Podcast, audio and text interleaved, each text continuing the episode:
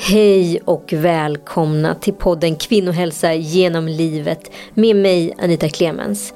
I den här podden kommer vi ta upp allt det där du undrat över. Det behöver nämligen inte vara något fel på dig men dina hormoner kan vara i total obalans. Under poddserien kommer experter från Hercare tillsammans med mig och kända gäster gå till botten med allt från hormoner, fertilitet, förklimakterie, livslust, sex och samlevnad. Vilket är dagens avsnitt.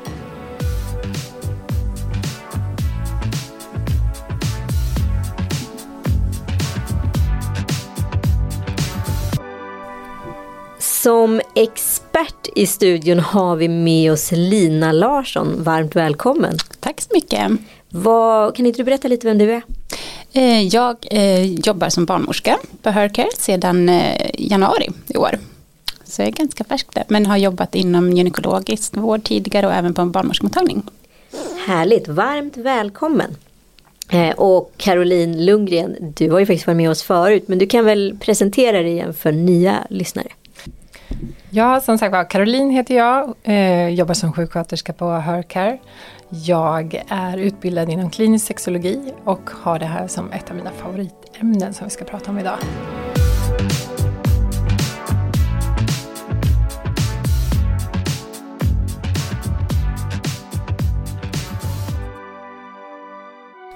Ja, men kan inte ni försöka förklara varför sex alltid är ständigt aktuellt? Mm. Sex är ju någonting som de allra flesta har och vill ha. Eh, och eh, det utifrån vårat synsätt så är ju också sex en del av våran hälsa. Om man ska tänka ut helhetsperspektiv så det är ju väldigt en viktig fråga. Varför tror ni att det är viktigt att erbjuda kvinnor, för jag, som jag upplever det så kommer det lite liksom äldre kvinnor ibland också till er, eh, rådgivning inom de här områdena?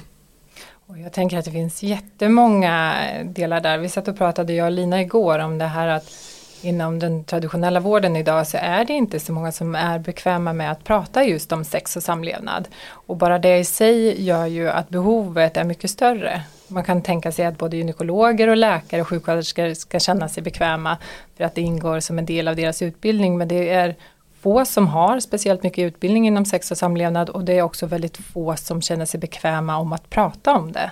Men varför är det så pinsamt då? Ja, det är en bra fråga. Det är nog många olika faktorer som gör det. Eh, dels så är det väl att det är ganska djupt rotat att vi inte har pratat så mycket sex. Det är många som inte är uppvuxna med att man har pratat särskilt mycket sex i skolan. Vi har också haft en bristande sexualundervisning. Det kan vara väldigt varierat vilken information vi har fått eh, och om vi har fått. Det har kunnat vara ganska mycket fokuserat på till exempel eh, hur barn blir till och hur vi ska skydda oss och vad som kanske är farligt men att vi kanske inte pratar så mycket om den här fina biten och den som kanske leder till, till njutning framförallt. Just det, och för att det här är ändå väldigt biologiskt men eh, hur kom ni liksom upp med idén om själva liksom lustrådgivningen till era patienter? Var det många sådana frågor mellan raderna eller? Vi märker ju det att det finns, vi, alla våra patienter på Hörker får fylla i ett hälsoformulär inför deras besök eh, och där finns det en ruta där man kan kryssa i minskad sexlust och i stort sett de flesta kryssar i den här rutan att de faktiskt lider av minskad sexlust. Eh, och många kvinnor kryssar också i, liksom har, nämner också en bristande sexlust som en av de tre värsta symptomen som de upplever. Så att det finns, det finns ett stort behov att, att prata kring de här frågorna. Det är också så att de här kvinnorna som kommer till oss beskriver att just den minskade sexlusten har en negativ inverkan på deras livskvalitet. Att man känner att många saker kanske är bra men att man ändå har en bristande lust eller att man inte har ett samliv längre med sin partner faktiskt påverkar hur man mår i allmänhet. Det blir ett problem. Ja, såklart. När, man, när du säger det så så låter det ju logiskt. Är det vanligt med bristande sexlust hos kvinnor? Är det vissa ålderskategorier som är liksom specifika eller hur ser ja, det ut? Alltså det, vad jag har för erfarenhet eller vad det, vi har hos våra patienter, vi utgår väldigt mycket efter våra patienter för det är de vi någonstans är till för att hjälpa. Men det vi ser är att någonstans mellan 40 till 50 där så är det det största spannet som ändå beskriver att man har en minskad lust. Och det finns säkert olika anledningar till att just de kvinnorna är de som upplever att det är tuffast.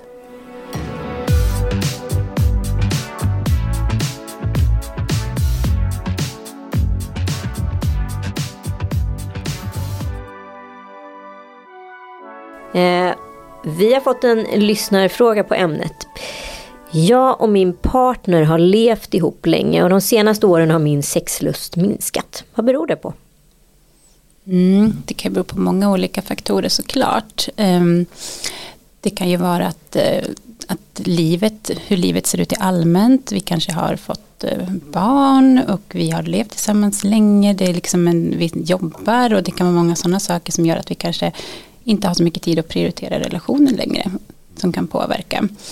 Ehm, sen kan det också vara så att i början av en relation så har vi också ett mer naturligt förhållningssätt att vi, att vi anstränger oss mer för varandra och någonstans kanske vi i vardagen börjar tappa bort de bitarna. Att det liksom blir att vi, vi lever på och glömmer att vi kanske behöver ge varandra en, en puss när vi kommer innanför dörren eller sådana här små saker i vardagen. Men vad ska man göra då? Det är samma snubbe, samma snopp, samma snippa höll jag på att säga. Vad, vad, ska man göra då för att väcka lusten? Väcka lusten igen.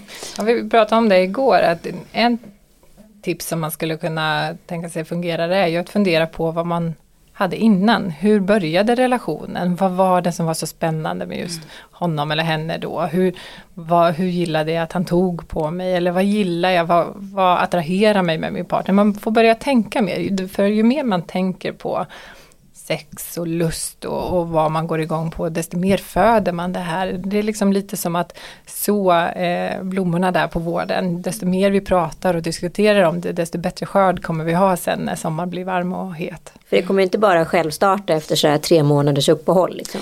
Nej, då kan man behöva som Caroline nämner att man kanske faktiskt börja, måste börja väcka en tanke och att man också, också kanske ser över det. Men hur ser livet ut? Hur mycket tid ger vi varandra?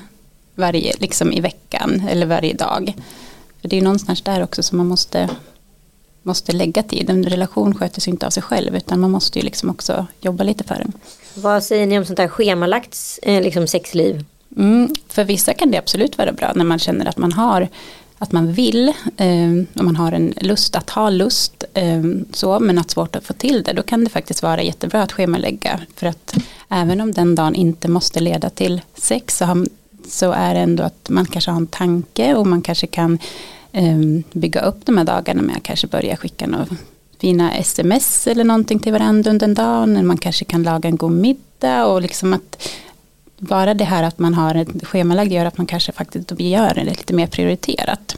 Jag kan ju höra från väninnor ibland att oh, alltså att de känner att det är sånt krön liksom, att liksom fullborda akten. Mm. Men sex kan väl också bara vara närhet och andra saker? Absolut, det är jätteviktigt och där kan jag tänka att om det är så att man kanske känner att man inte har någon lust då kanske faktiskt den här närheten utan att man har liksom sex kanske är den viktigaste biten att börja med att man faktiskt bestämmer att man kanske inte ibland faktiskt bestämmer att nu ska vi inte ha sex eh, och så vet man om det, att det bara blir den här intimiteten då som man har med varandra. Man kanske sitter nära varandra i, i, det, i soffan eller att man kanske ja, men, ligger nakna bredvid varandra men man vet att det här kommer inte leda till, till sex utan det är bara en, en, en intim stund tillsammans. Och det finns väl inte heller någon sån här, så här långt måste ett samlag vara för att det ska vara ett godkänt samlag? Alltså ett samlag kan vara kort och långt, eller? Ja, och jag tänker om du tänker, menar samlag så tänker jag att då kanske du menar penetrerande samlag och då tänker man kanske att man ska se liksom alla de här bitarna fram, liksom före och efter också. Man kanske behöver prioritera att man tar på varandra och att man säger fina ord till varandra och att man tänker på att den här personen som jag vill vara nära med, att man bygger upp stämningen.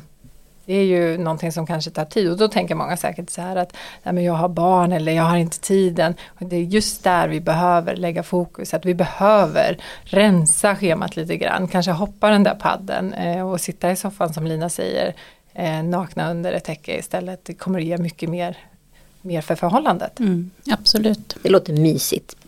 Men vad är det som påverkar sexlusten då? Ja, alltså det finns ju massa saker som påverkar. Och det här tänker jag att det finns en ganska stor kunskapslucka hos människor. Där, där jag och Lina finns till att upplysa och informera om. Vad är det som påverkar. Men om man ska dra det lite snabbt så är det ju både hormonerna som påverkar, det är hjärnan, nervsystemet, det är vår relation och vår kommunikation till våran partner. Eh, men också våra tidigare erfarenheter av eh, vår egen relation till vår kropp, eh, vår närvaro, tidigare skam för ämnet. Så det är jättemånga saker. Mm. Absolut och även olika ja, men saker som händer i livet. Att vi kanske är utsatt för stress eller det kanske sker en sjukdomsfall eller ett dödsfall nära i familjen. Sådana saker påverkar ju också vår lust. Medicinering. Ja absolut. Så det, det är ju det är väldigt mycket saker som påverkar vår lust. Ja, man ska vara i rätt bra balans för att känna det här superpirret hela tiden. absolut, så är det.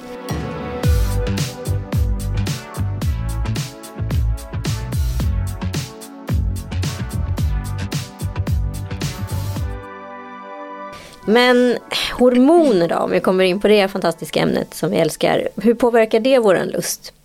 Nej men våra hormoner påverkar ju helt klart våran sexlust. Dels så har vi som kvinnor eh, våran cykel där våra hormoner eh, rör på sig och förändras lite med vilken hormonell fas vi är i, om vi är unga i förklimakteriet eller om vi är i klimakteriet så påverkar de.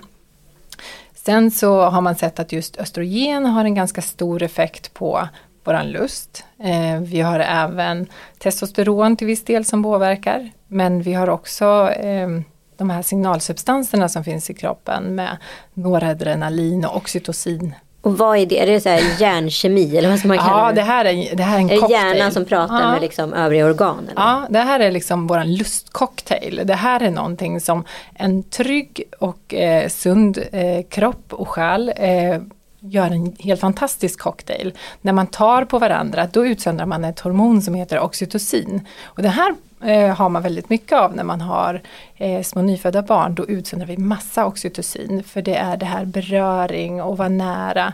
Eh, så det är jättebra för lusten. Det ger också ett lugn och har en liten ångestdämpande effekt. Ja, mm. så, så bara det i sig är ju helt fantastiskt. Så de här eh, signalsubstanserna är ju också både hormoner och påverkar vårt känsloliv. Så är vi trygga, vi mår bra och vi är eh, bra balanserade i våra hormoner så, så hjälper de till att vi ska kunna känna lust. Bra förutsättningar.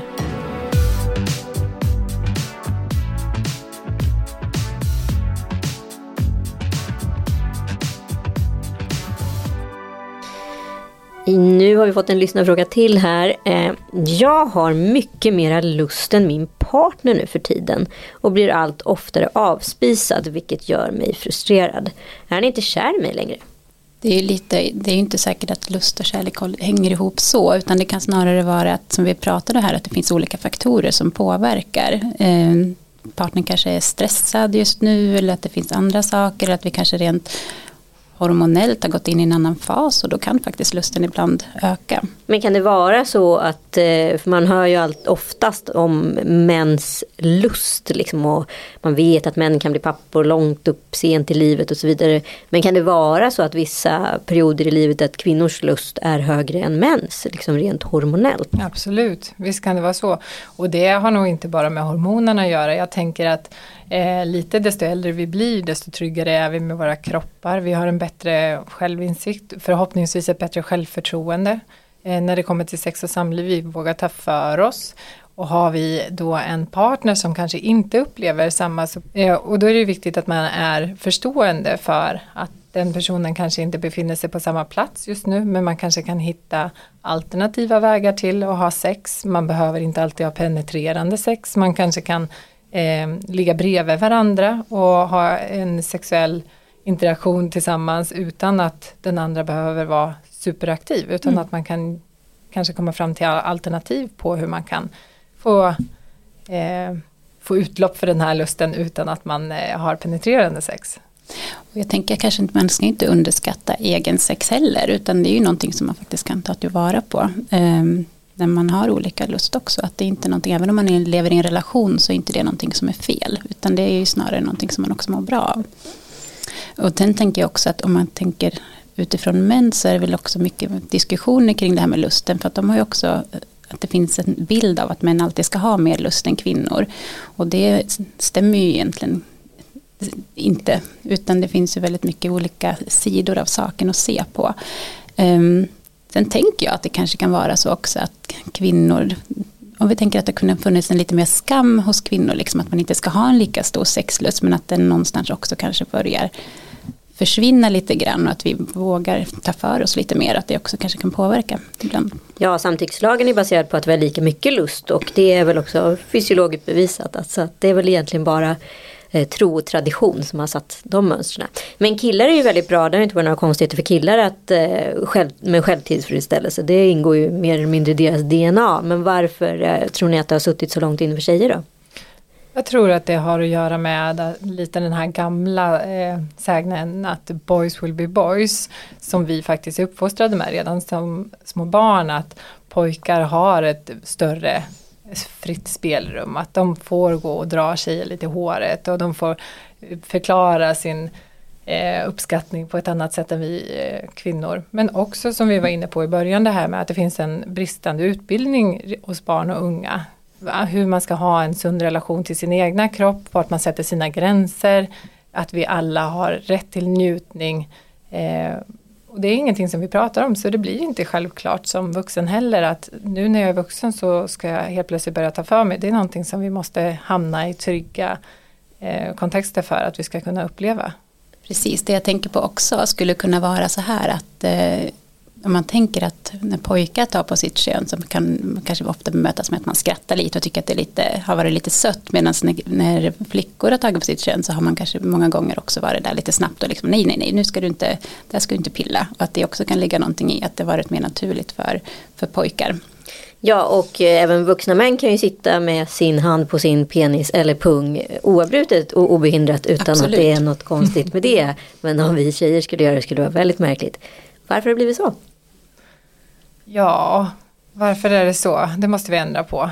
Jag tycker väl kanske inte att någon ska sitta med handen innanför byxan eh, offentligt eh, för alla skull. Men, men jag tycker helt klart att man ska eh, inte skämmas för att man har en sexuell relation till sig själv och våga ta på sig själv om man känner lusten. Och det tror jag också och föder lust till att ha gemensam sexen. Om, om man väcker till liv det här att, att det är ganska skönt och härligt att, att ha sex. Mm. Men om vi nu skulle dela upp den här hormonella fasen i olika åldersblock, tänker jag, för att det ska bli lätt för lyssnarna att förstå. Om vi skulle säga så här, om 20, vad skulle du säga det är för eh, liksom, hormonell fas i vårt liv? Det hänger väl ihop med reproduktionen antar jag. Mm. Här så är ju hormonerna oftast väldigt stabiliserade. De här unga tjejerna har ju oftast mycket yttre faktorer som påverkar. Att man kanske mitt uppe och pluggar eller att man har sin första långvariga förhållande. Man kanske börjar fundera på om man ska skaffa familj eller om man ska flytta någonstans. De sakerna påverkar ju dels hur vi våran lust men också så är vi nog som mest aktiva då. Det är kanske då vi provar oss lite fram vad det är vi vill och vad är det vi gillar. Mm. Samtidigt så tänker jag också att just i den åldern finns det också många gånger en, en eh, osäkerhet kring att om vi ser normala ut liksom i våra underliv och att man kanske också fokuserar mycket på, på den biten och att det också kan bli en stress. Är det jämförelseeran? Ja, men jag tror det och jag tror att um, oavsett, men man kanske har tittat på, på porr till exempel och så jämför man sig och tänker att men så där ser inte mitt underliv ut och så blir det en osäkerhet kring det och där tänker jag också att där kan det också vara någonting som påverkar våran lust. Så media har ju en väldigt stor del i hur vi ser på kroppar, vad som anses som normalt och hur vi ska eh, visa upp våra kroppar eller inte beroende på hur vi ser ut. Tar man med sig det här in när man är sexuell med en annan person, att man ligger och funderar på nej men hur ser jag ut och hur, vad tänker han om det här. Det är ju en riktig lustdödare. Så det är ju att försöka lägga huvudet utanför och bara njuta och känna av det som känns. Det är ju det som är allra härligast. Men det är nog svårt för de som är unga. För vi jämför oss lätt med andra. Eh, och vi har en uppfattning om hur man ska se ut och vad man ska göra när man har ett samliv tillsammans med någon annan. Mm, precis som du är inne på nu att just den här, alltså en nyckel är ju att kunna vara liksom närvarande i stunden och har vi då massa andra saker som stör och liksom som snurrar runt i vårt huvud då är det ju väldigt svårt att njuta också. Såklart, så våga slappna av lite mer säger vi till 20 plus. Mm, Vad säger vi till 30? Ja, generellt skulle jag säga.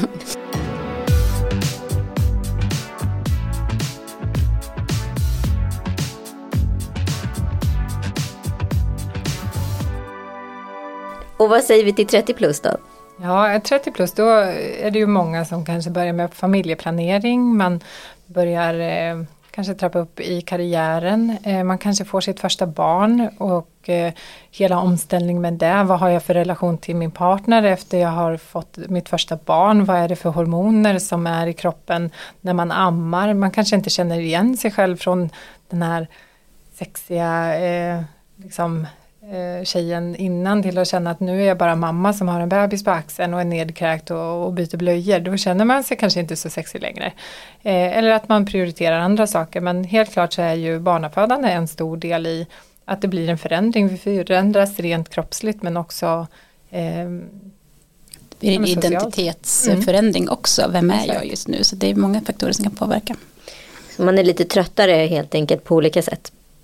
Ja, man är nog tillräckligt ung för att hålla sig pigg fortfarande men det, det, är helt klart en omställning när man får barn från vad man tänkte tidigare. Då hade man allt fokus på varandra eh, och helt plötsligt så kommer det en eller flera som ska ha uppmärksamhet också och då flyttas ju fokus. Och det är nog lätt att bli lite självkritisk där att men, jag borde känna det här, ja, men det är kanske annat som tar den största delen av fokuset just nu. Mm. Och då kanske vi också har en bild av att andra har en, en större lust och det här borde vara normalt. Eh, ja, och så kollar man på Instagram och så ser man att de är på en härlig romantisk semester och de har barnvakt och de har gått ut och unnat sig. Mm. Allt är så fantastiskt. Allt är så fantastiskt ja. hela tiden. Ja, så vad säger vi till den generationen? Slappna av lite. Ja, det är bra, ja. bra tips. Slappna av.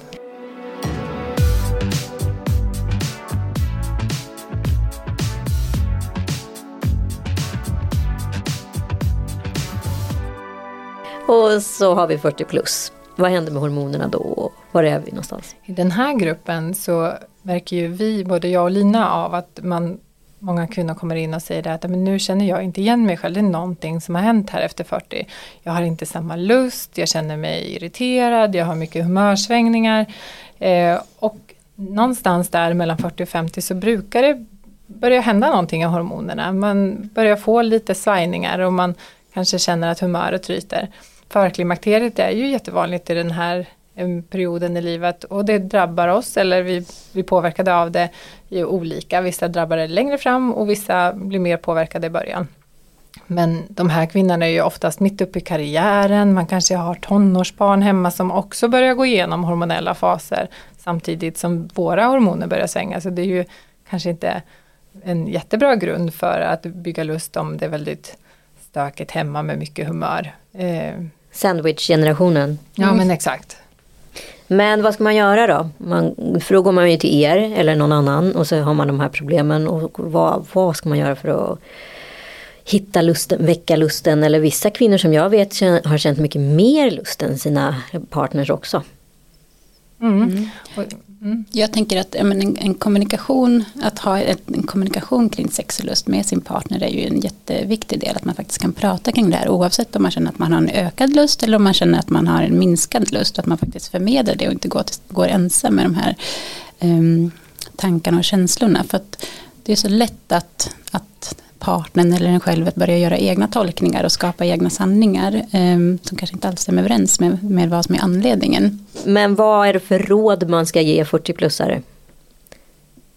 Ja, alltså jag tror att det är viktigt att man som Lina säger börjar fundera på vad man önskar, vad man har för behov, förmedla dina behov och att partnern också kan förmedla sina behov. För desto mer vi pratar om det, desto lättare kommer vi kunna hantera det. Bara att prata om det eh, löser ju många spärrar. Det, det, är oftast en myt det här att man säger pratar man för mycket om det så kommer det, då dör det ut. Men om det inte finns så mycket gnista i det innan så kan det bara bli bättre av att prata om det. Och jag tror att det spicar till det också bara att förmedla att, ja men vet du jag skulle vilja att du sen. Eh, det väcker också tankar om det och när vi väcker tankar om det då finns det bättre grogrund för att det ska kunna bli av. Mm.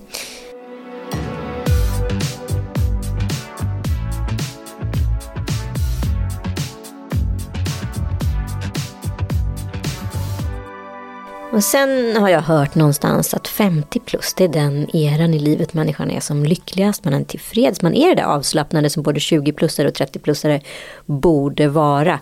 Eh, varför är man så lycklig som 50 plus men vad händer med hormonerna då? Ja, det är inte alltid som man är så lycklig som 50 plus. Det händer också väldigt mycket hormonellt där. Där helt plötsligt så, så en av de här viktiga hormonerna för just lusten eh, och lubrikation och annat är ju östrogen. Och när vi går in i klimakteriet då har vi helt plötsligt inget östrogen kvar längre.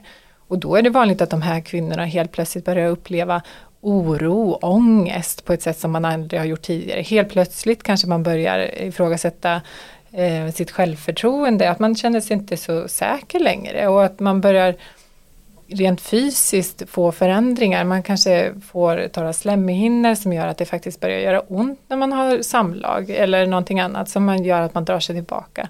Den här gruppen kanske inte har det heller så lätt att prata om sex och samlevnad. Att, eh, ju äldre man är desto eh, mer ovanligt är det att vi har ett fritt eh, forum hemma att kunna prata om sex och samlevnad. Som yngre så är man privilegierad att det finns en öppen attityd men är man 55 och aldrig pratat om sex tidigare, då kanske inte är så lätt att sätta sig ner med, med gubben i köksbänken och säga men nu, du, så här ligger det till nu, det här är, har hänt med mig.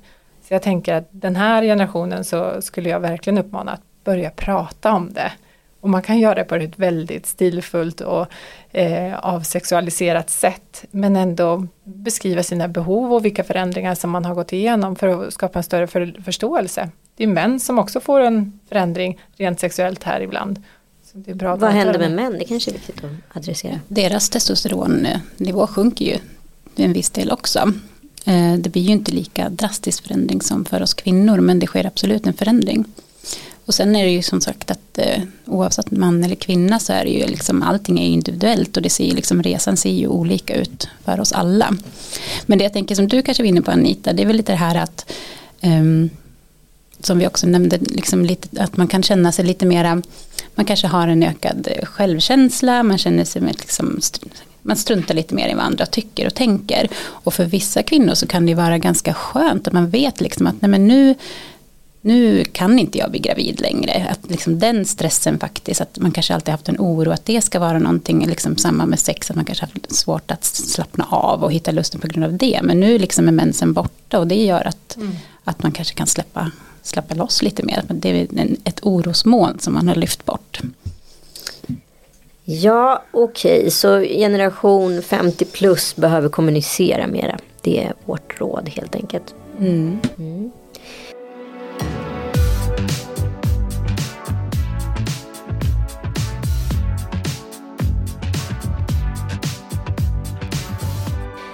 Om man då känner att man tappat sin sexlust, kan man få tillbaka den? Absolut, det kan man. Um, och här är det jätteviktigt att tänka lite det här att om jag har lust att ha lust. Um, för det är ju också viktigt. Och sen finns det ju många olika saker som man, som man kan tänka på. Lite det här, ja men framförallt hur prioriterar vi våran tid? Det har vi varit inne på flera gånger men det är väldigt viktigt att vi faktiskt behöver liksom ge det tid. Det är ingenting som kommer komma automatiskt. Så att man faktiskt också ja, men börja liksom tänka lite mer liksom i de banorna. Um, mm.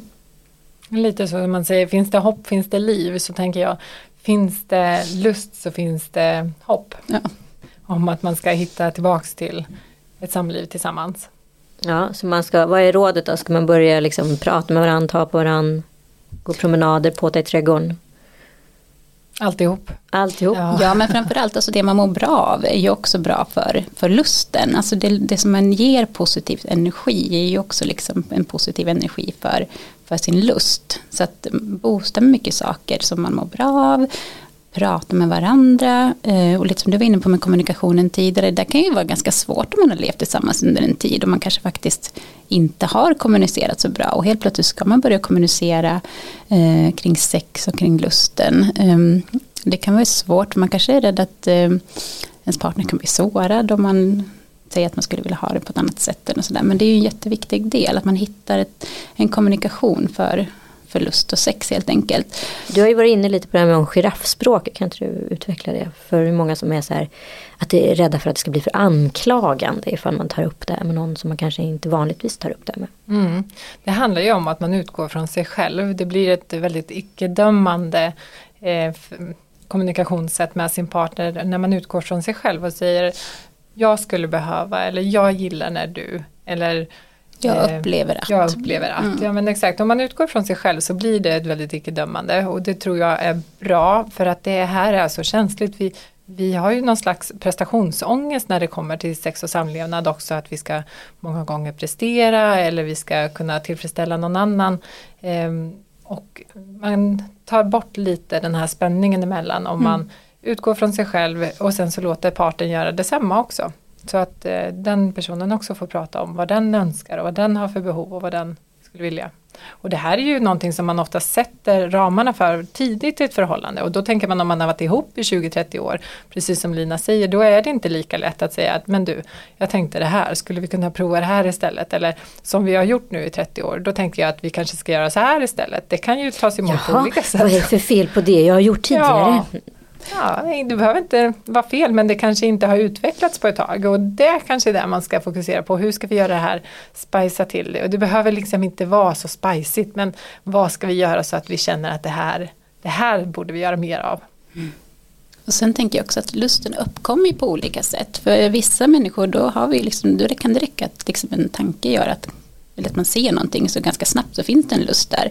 Medan för andra tar det lite längre tid. Ehm, man kanske behöver liksom eh, tänka lite längre, man behöver en beröring um, för att man faktiskt lusten ska väcka, att det kommer liksom som ett andra steg, man kan prata om en, som en responsiv lust, men det är liksom en respons på en, på en handling så. Um, och det kan också vara ganska bra att veta det, att det är inte fel på, på mig för att inte min lust bara väcks liksom sådär snabbt som det gör för min partner, utan att jag behöver de här bitarna för att för att det ska komma där. Och då kan man tänka liksom, och det här handlar inte om att man ska eh, ha sex bara för att, eller liksom så, för absolut inte. Men däremot så kan man tänka lite så här, är det så att jag när vi väl har sex, liksom, jag njuter av det och jag, då känner jag lust och kan känna varför har vi inte det här oftare. Men då kanske det faktiskt är så att det har att göra med att man behöver jobba lite mer för att komma till den punkten. Så att där är vi också väldigt olika.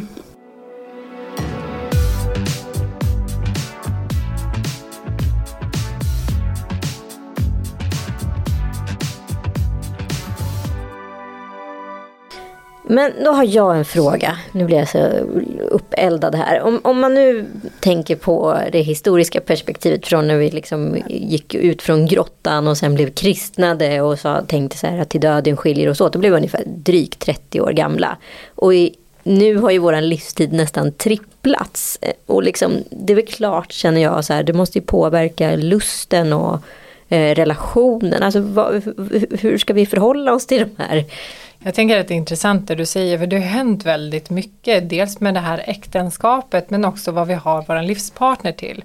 Förr i tiden när du pratade om, då hade vi ju en partner, kanske framförallt för att vi skulle ha någon att skaffa barn med, vi hade en ekonomisk trygghet, vi hade någon som eh, byggde vårt hus och, och skötte den ekonomiska delen, så vi kvinnor var ju mer beroende av det här partnerskapet som vi hade till vår man. Idag har vi inte det på samma sätt. Kvinnor är i mycket större utsträckning jämställda männen. Vi har inte behov heller av att ha tio barn för att sköta om gården utan vi kan välja hur många vi vill ha utefter preferens och boende och allt möjligt. Men det sätter också ett mycket större krav på eh, relationen. För förr i tiden så tror jag att man hade sin man och det, man hade en trygghet i att man, hade, man kanske inte hade så mycket gemensamt utan man hade ett samliv och däremellan så gjorde man sitt eget. Ja men det var som Oskar och Kristina, så fick man tio ja. barn så tog man i barnsäng. Ja, ja exakt. Mm. Men idag så vi, har vi ju mycket större förväntningar på våran partner.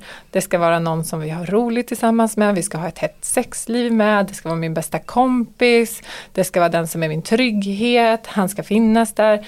Eh, så vi behöver också se på vilka krav vi ställer på varandra, för någonstans i lusten så behöver vi frihet. Så det är lika viktigt att vi connectar med varandra och skapar en relation, men också att vi ger varandra frihet. För det tror jag också kommer vara grogrunden till att vi kan leva ett långt liv tillsammans. Instämmer. Det tycker jag är ett viktigt råd att också igen liksom så här, ta det för, alltså så här, se på livet från ett annat perspektiv. För jag tror att många liksom jämför sig för mycket med andra hela tiden. Att man eh, ska vara på ett visst sätt. Så man måste faktiskt se det också ur ett historiskt perspektiv för att få lite distans.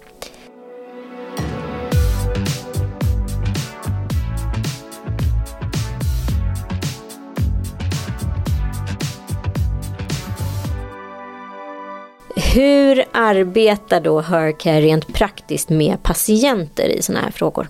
Mm. Vi har ju precis börjat med lustrådgivning eh, och den viktigaste utgångspunkten när vi jobbar med våra patienter det är att den är individbaserad. Att man utgår från den patientens önskemål, den patientens behov eller problematik. Ehm, och det tycker vi är väldigt viktigt och unikt också att man får någon som verkligen lyssnar till min historia, min berättelse och också försöker hitta svar eller man kan få stöd i det som är mina problemområden eller det jag önskar kunna få hjälp med. Och att vi också tillsammans kommer fram till olika sätt som vi faktiskt kan eh, hjälpa den här patienten framåt också. Mm. Kanske både med samtal men även att olika övningar som kan vara aktuella att ta med sig. Mm. Som kan vara? Ja, det finns ju flera olika typer av övningar men det finns ju bland annat eh, en, övningar där man ska vara nära eller som vi var inne på ibland kanske att man faktiskt ska schemalägga sitt eh, sexliv eller att man också ska bestämma en tidsperiod där vi inte har liksom sex. Just det, det kan få en eh, tvärtom effekt.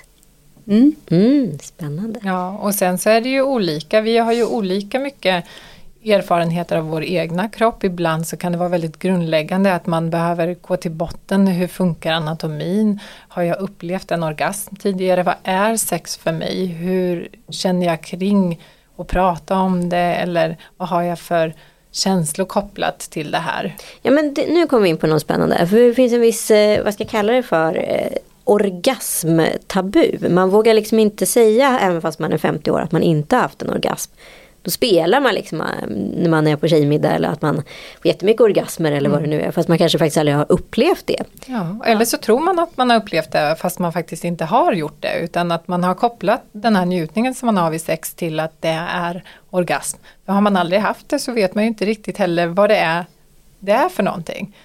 Och hur ska man då få en orgasm om man aldrig har haft den om man nu vill liksom testa? ja, ja. Alltså här tror jag att, um, att det är jätteviktigt att faktiskt börja med sig själv och lära känna sin egen kropp. Uh, och uh, liksom ja, men, röra sig själv för att se vad från början, vad är det jag gillar? Uh, och sen efter kanske ta in en partner. Men att man börjar där med sig själv.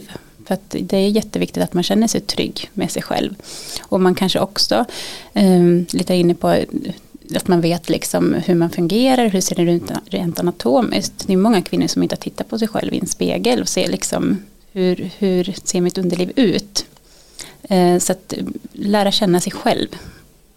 Våga kika efter. Mm, absolut. Mm, absolut. Alla borde ha en snippspegel hemma. det är något vi uppmuntrar till. Ja, absolut. Bra.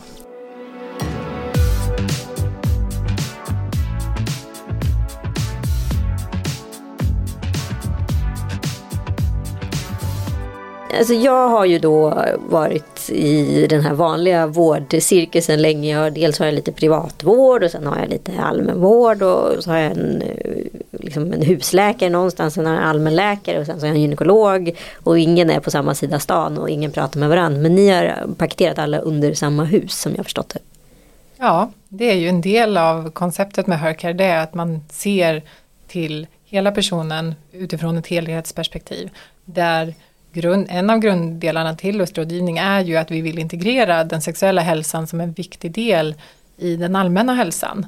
Eh, och eftersom det är så många kvinnor som upplever en negativ eh, livskvalitet med bristande lust så ser vi att det här är superviktigt att vi tar upp, vi måste skapa forum för att kunna prata om det här. Det måste finnas professionella som kan ge korrekt information om hur man ska tänka. Och nu tänker man så här, men vad, det finns väl inga rätt eller fel? Nej, det finns det inte. Men det ska kännas bra. Och man ska känna att man har en verktygslåda som man kan plocka ifrån när man känner att men, nu vet inte jag längre vad jag ska göra. Det är där vi steppar in och hjälper till.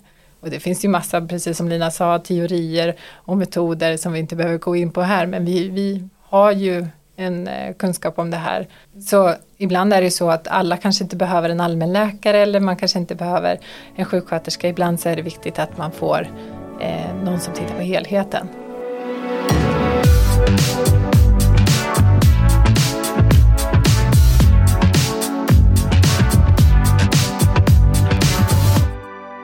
Ja men då för att summera, finns det några så här enkla knep, alltså husmorstips som det brukar heta, eller lifehack som det heter idag, för att höja sin sexlust? Vad ska ni säga i det? Mm, jag tänker att först så ska man nog inte tänka att det kanske är en quick fix utan att det kan behöva ta lite tid för att eh, landa i den här lusten. Men eh, sådana här saker som allmänt är bra för hälsan som också är bra för sexlusten det är att man faktiskt stressar mindre, eh, sova ordentligt och eh, prioritera relationen. Och sen så tänker jag också på att vi behöver bli lite uppmärksamma på hur vi bemöter våran partner. När de kommer hem från jobbet frågar vi hur var din dag idag eller har det hänt något speciellt? Ehm, tänka på bemötande och ton till sin partner för det blir lätt så att när man stressar så är det den som vi ger minst kärlek rent i vårt bemötande. Så prova och... Eh, Ingen slasktratt. Nej, exakt skippa den. För är det den du vill vara nära med i slutet av dagen så är det nog någon annanstans du ska slänga det där. Det är inget mysigt att sova med en zink. Nej, Nej. det är det inte.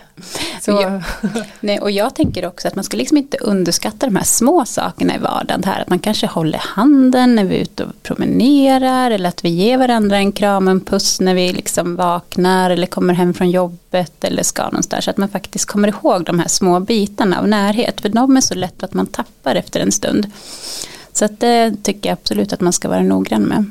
Och även bekräfta och uppskatta när det inte gäller sex och samlevnad. Att vi säger tack när någon gör en ansträngning för oss och att vi faktiskt anstränger oss med att göra saker för varandra. För är det någonting som är supertändande så är det ju när andra människor bryr sig om och är snälla och eh, trevliga. Det blir mycket bättre grund för att väcka lusten. Mm.